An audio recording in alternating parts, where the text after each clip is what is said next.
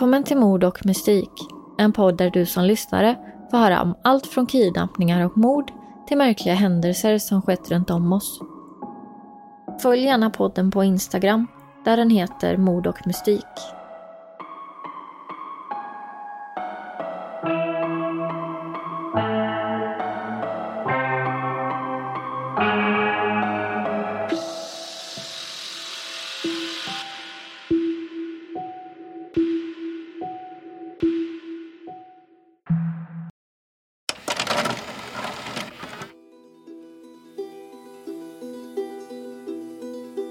Detta är berättelsen om Jason Worley, som kallade sig Jason in Hell på Reddit. Han vände sig till internetforumet för att få råd kring sitt äktenskap. Men det som många uppfattade som en relativt vanlig men dysfunktionell relation skulle snart visa sig bli något betydligt värre.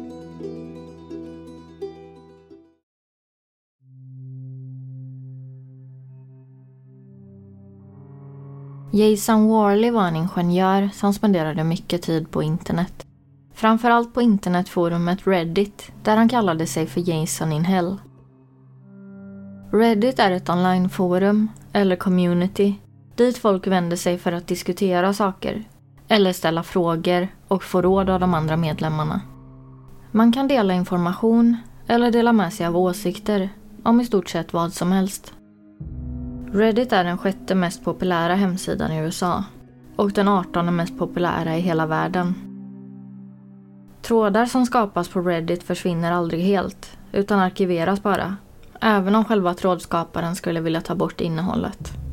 Detta gör att det är möjligt att gå tillbaks och läsa alla trådar som någonsin skapats på sidan, inklusive trådarna som smeknamnet Jason in Hell skapade 28 oktober 2016 som kom att bli enormt uppmärksammade på grund av hur denna tragiska historia slutar.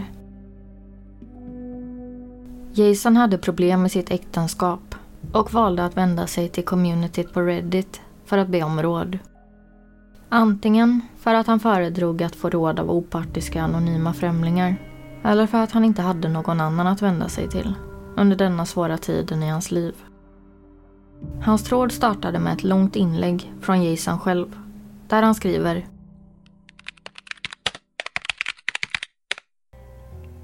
Jag kom på min fru med att vara otrogen mot mig för över ett år sedan. Jag valde att stanna kvar i relationen för våra barns skull, men jag har inte kunnat sluta tänka på det sedan dess.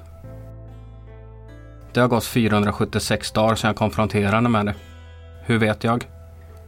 För varje gång jag kommer på mig själv med att tänka på det tänker jag, det har bara gått x antal dagar. Du kanske inte tänker på det imorgon. Så för att ta allt från början. Jag hade precis tagit på mig ett nytt projekt på jobbet som innebar nya ansvarsområden. Jag jobbade där för mycket, typ över 60 timmar i veckan och jag var väldigt stressad under denna tiden. I maj 2015 märkte jag att min fru hade satt lösenord på hennes telefon. När jag konfronterade henne med det sa hon att det berodde på att hon planerade min första A-present och inte ville att jag skulle råka få syn på något kring presenten. Typ en vecka efter det kom hon till mig och sa att hon kände sig skyldig för att hon hade en stor hemlighet hon inte berättat för mig. Hon berättade sen att hon hade anlitat våran granne, som är ingenjör, till att bygga ett hemmakontor till mig i present. Jag tyckte det var konstigt för under våra sex år tillsammans har hon aldrig känt sig skyldig över något. Oavsett, tiden går och hennes mobil fortsätter vara lösenordsskyddad och jag fortsätter ha en känsla av att något är fel. Jag ser henne använda mobilen och att hon ler för sig själv allt oftare. Men när jag frågar vad hon gör svarar hon inget och lägger ifrån sig telefonen. En morgon när hon skulle gå in i duschen lyckades jag få tag i hennes mobil innan det krävdes lösenord för att gå in på den. Jag går igenom hennes meddelanden och ser att hon har skrivit till grannen citat “Jag är helt täckt i glasyr, vill du slicka av det?” Det fanns inga andra meddelanden till eller från grannen men jag fick reda på senare att det berodde på att hon hade ställt in sin telefon på att radera meddelanden automatiskt efter en viss tid passerat. Jag kände mig obekväm med det jag upptäckt. Men samtidigt visste jag att hon hade rätt pervers humor och att hon aldrig skulle göra något för att såra mig.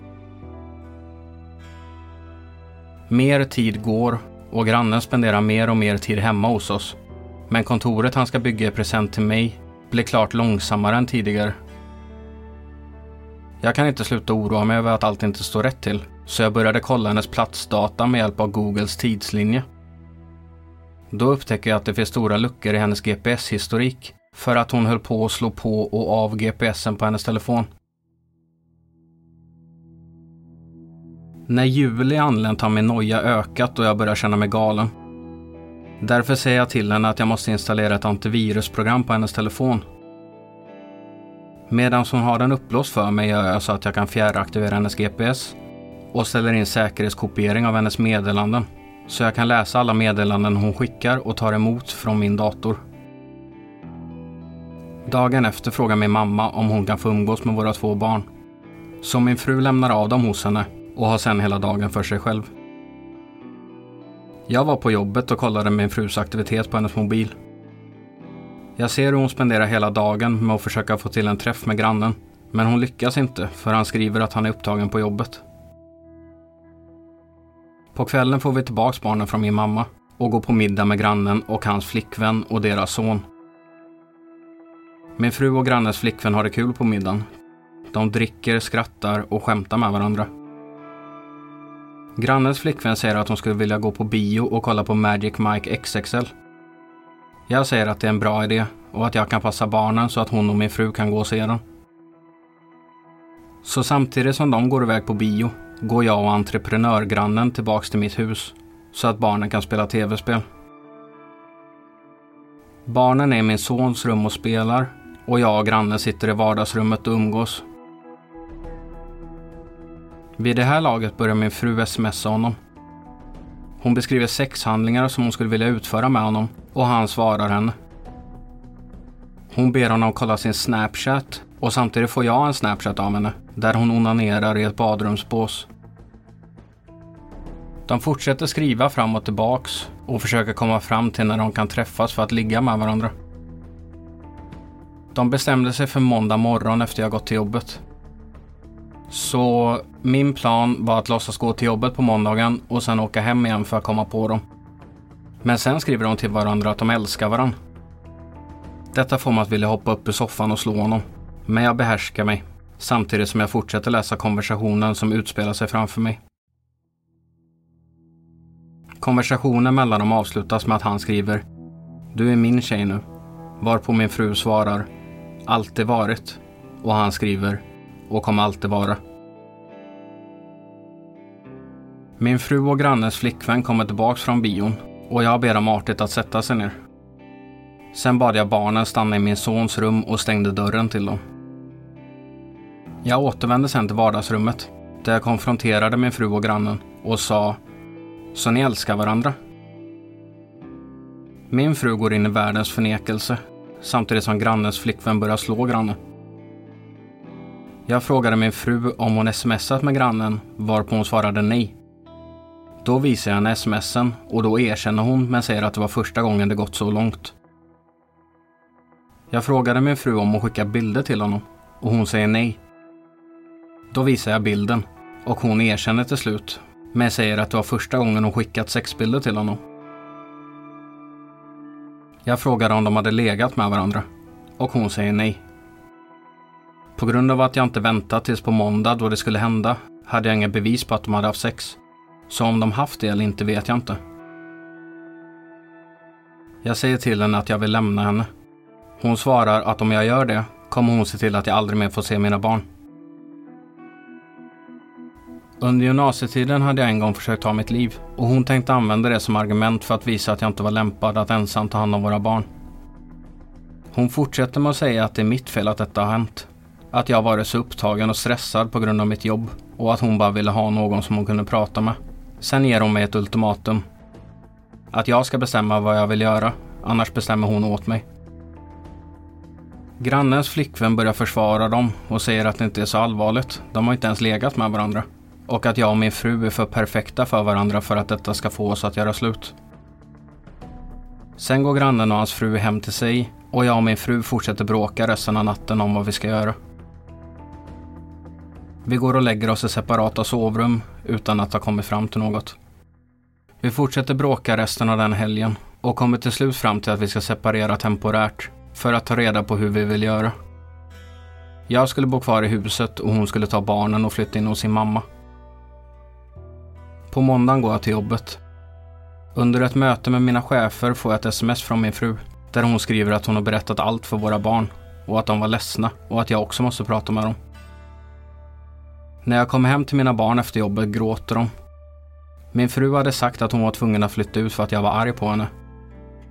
När min son hade sagt att han ville bo med mig hade hon sagt att han inte får det. Så om mamma inte fick bo i huset för att jag var arg på henne trodde han att han inte fick bo där för att jag var arg på honom också.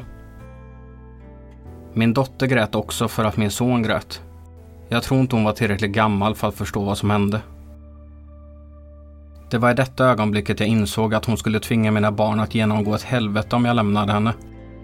Så jag svalde mina egna känslor och bad henne att stanna, vilket min fru gick med på, under villkoret att jag först bad våran granne om ursäkt, eftersom vi alla fortfarande skulle behöva umgås med dem, eftersom våran son var kompis med deras son. Jag hatade det, men jag gjorde det ändå. Vi fortsatte att umgås med dem då och då. De kommer till våra olika födelsedags och högtidsfester.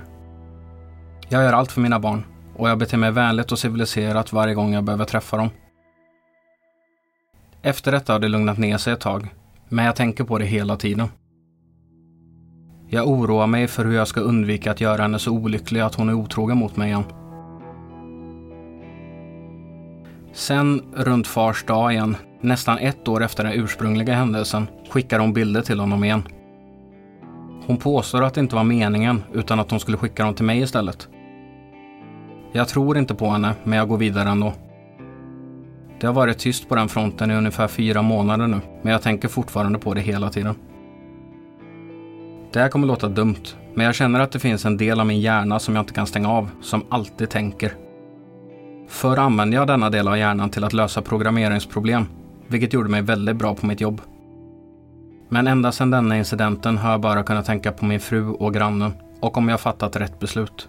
Mitt jobb har blivit lidande och det känns som jag inte har sovit på flera månader. Om jag skulle säga att jag vill skiljas nu efter jag bett om att få tillbaka henne och efter att det har gått så lång tid är jag rädd att hon skulle bli ännu mer hämndlysten mot mig och mina barn. Det känns som jag har grävt mig ett djupt hål som jag aldrig kommer kunna ta mig ur igen. Jag har egentligen inte pratat med någon om detta. Jag vill inte prata med min mamma om det eftersom det skulle göra att hon behandlar min fru annorlunda och jag vill inte göra deras relation sämre än vad den redan är. Jag försökte prata med en vän om det, men hans bästa råd var att lita på Gud, vilket inte var någon tröst för mig som är ateist. Så jag har ingen aning om hur jag ska hantera mina känslor, eller hur jag ska gå vidare från detta. Detta var slutet på Jasons inlägg, som fick över 200 kommentarer. Den kommentaren som fick flest likes löd så här. Citat. Du försöker navigera i allt detta ensam, men du måste söka hjälp. Nu. Det borde du ha gjort för flera månader sedan. Din frus hot kan inte få dig att stanna. Du behöver få juridisk hjälp kring hur en skilsmässa skulle påverka dig och barnen. Du kommer inte göra dina barn en tjänst genom att stanna kvar i ett äktenskap som nu är grundat på lögner, otrohet och ren mobbning. Hon fick dig att be din granne om ursäkt och du gjorde det. Snälla, du kan inte allvarligt mena att du ser någon sorts framtid som inte kommer innebära ett rent helvete på jorden för dig. Så för din egen skull och dina barns skull, skaffa en advokat direkt och följ hans råd till punkt och pricka. En annan kommentar lyder, citat. Jag kan inte fatta att du stannar hos henne. Jag kan inte fatta att du bad henne att stanna. Jag kan inte fatta att du bad grannen om ursäkt. Och en annan kommentar, citat. Hon är ett gift i ditt liv. Gör dig av med henne. Och en dysfunktionell familj är värre för barnen än en skilsmässa. Och vad det gäller barnen som tror på hennes lögner, säg till barnen att de inte ska tro på något som hon säger om dig. Och inte heller något du säger om henne.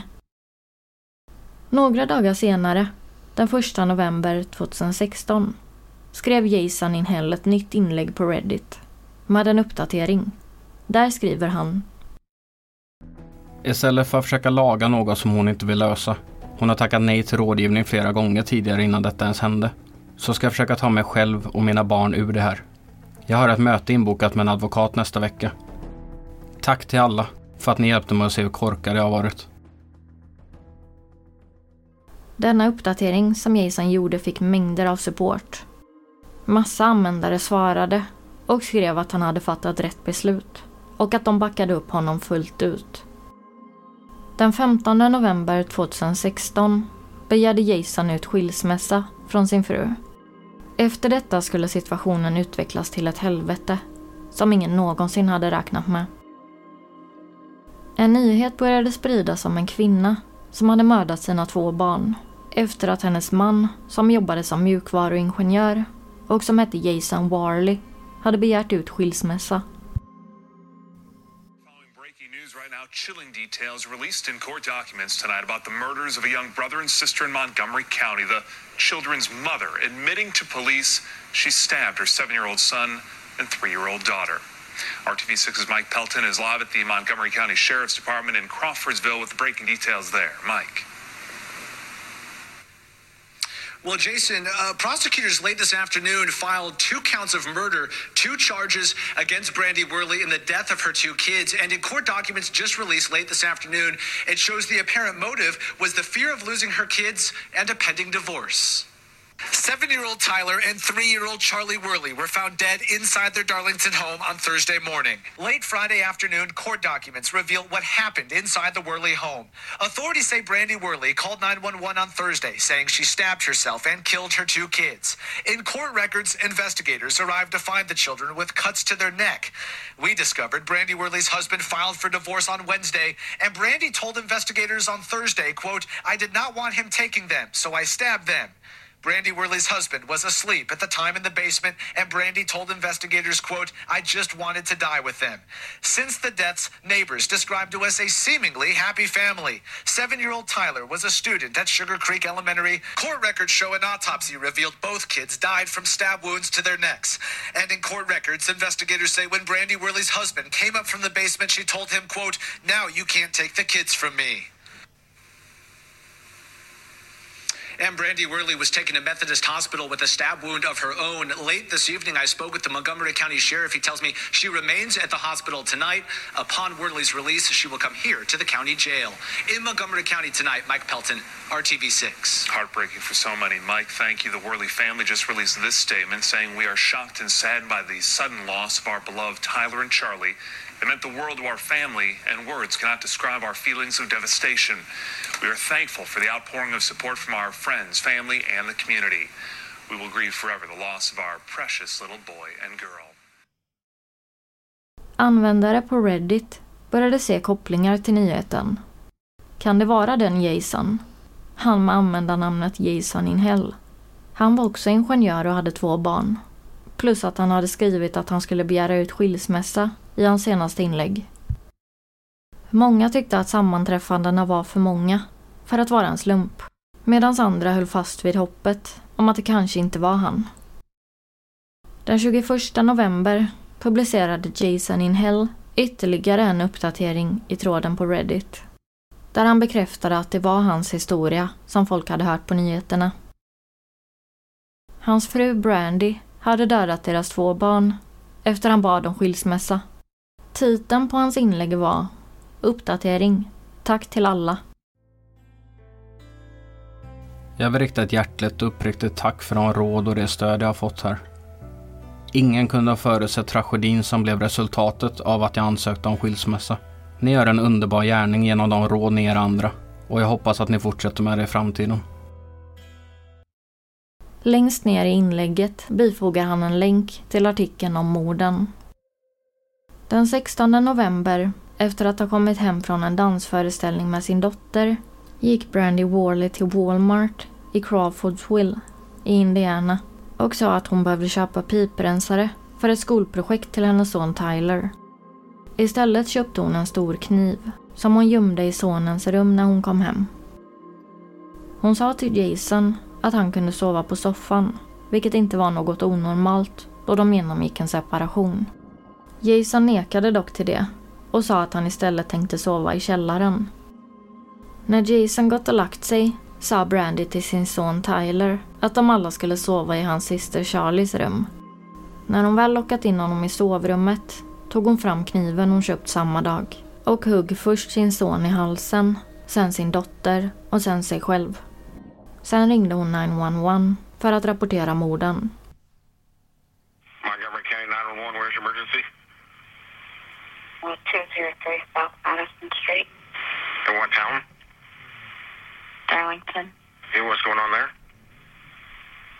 I just stabbed myself and I killed my two children. You stabbed yourself and killed your two children? Mm-hmm. Okay, and what's your name? Brandy Worley. Brandy what? Worley? Okay. How do you spell your last name? W-O-R-L-E-Y. And where are they where are the children at? In my daughter's room on the In- floor. In your daughter's room on the floor? Okay. What's uh what's your phone number, Brandy?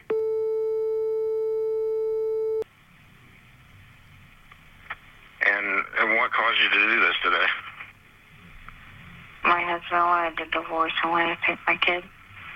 I won't let him have my kid. Okay, and how old are your children? Seven and three. Ten and three? Seven. Seven and three? Mm-hmm.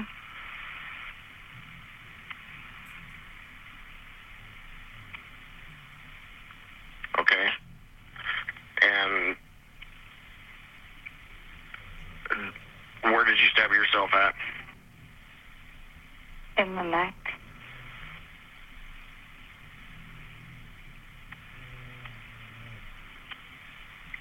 Okay. Are you bleeding? Yeah, there's blood everywhere.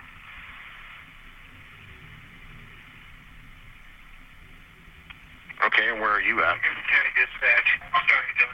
In my living room. You're in your living room? Mm-hmm.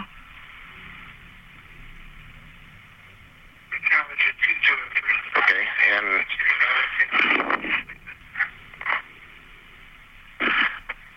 are you, are you armed now with the knife still?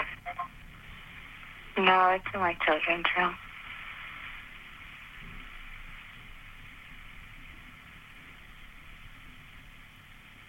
November 17, 2016, 4, 36, 21. Okay, are you still there? Hello? Yeah. Okay, where's your husband at? Downstairs somewhere. Okay, uh, uh, what's his condition? I don't know. I haven't talked to him. And when you say downstairs, is he in a basement or? Yeah.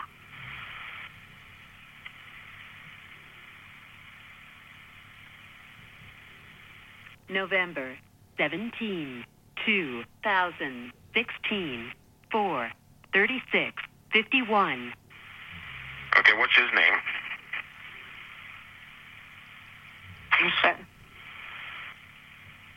Is what? Jason. Nathan? Uh, Jason. Jason? Jason Morley? Yeah. Okay. And do you have any other weapons with you?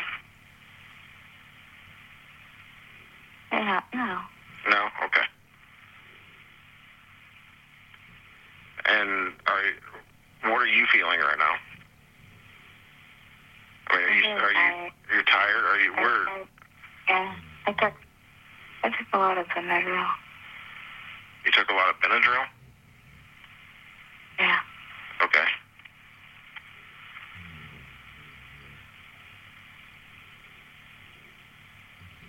November 17, 2016, 4, 37, 49. Is, is the front door unlocked? No, we don't use it. You know, you just use the back door? Yeah. It, it's on the side. It's unlocked.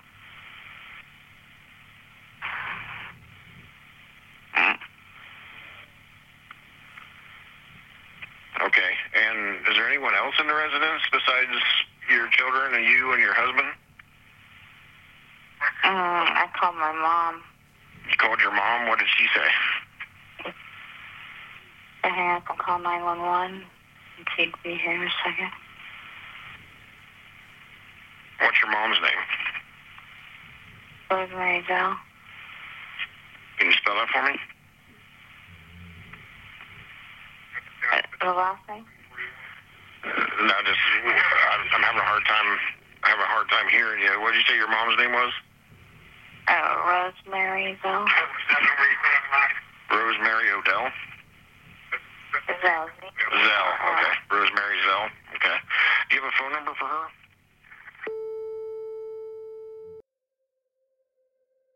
Jason vaknade under händelsen av sina barns skrik och att Brandy skrek “Nu kan du inte ta barnen ifrån mig”. Brandy Worley placerades i Montgomerys fängelse i Crawfordsville i väntan på rättegång. Ursprungligen påstod hon sig vara oskyldig till de båda morden och många trodde att hon skulle försöka påstå att hon varit psykiskt sjuk under det som inträffat och därmed försöka bli dömd till vård. Men så blev det inte.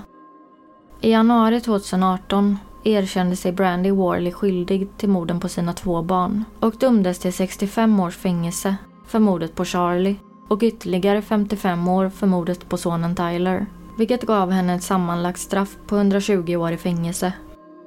I ett uttalande kring domen sa Jason Det enda jag bryr mig om är att aldrig mer behöva se henne.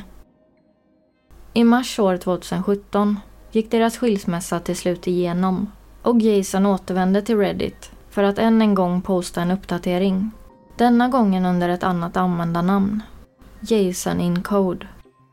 Båda dessa användarnamn har sedan dess raderats och man vet inte om han fortfarande finns kvar på communityt under ett annat alias eller inte. Men Jasons historia diskuteras det fortfarande om på Reddit där många ger uttryck för sin medkänsla kring vad som hänt honom och att de hoppas att han mår bra idag, vart han än är i livet. Jag antar att den första frågan jag borde besvara är hur jag mår. Och på den skulle jag svara att jag mår bra. Jag har dåliga dagar, men jag tror att det är förväntat. Det enda viktiga för mig, eller någon annan som går igenom något sånt här, är att fortsätta använda det stödet man får från vänner och familj för att inte bli helt besegrad av de där dåliga dagarna. Den andra frågan skulle vara hur jag känner inför Brandys straff. Och den frågan är något svårare att svara på. För oavsett vilket straff hon hade fått hade inte det gett mig mina barn tillbaks. Om jag kan förmedla något som jag lärt mig genom allt detta är det att du alltid ska ta dig tid till dem du älskar. Det spelar ingen roll om det handlar om att läsa en bok för någon som du redan läst en miljon gånger. Eller om de ber dig att spela ett tv-spel med dem, även om du vet att du kommer förlora varenda gång. Gör det bara, för du vet aldrig när det är sista gången. Se alltid till att de vet hur mycket du älskar dem. Jag hade turen att det sista mina barn någonsin hörde mig säga var Jag älskar er. Vi ses imorgon. God natt.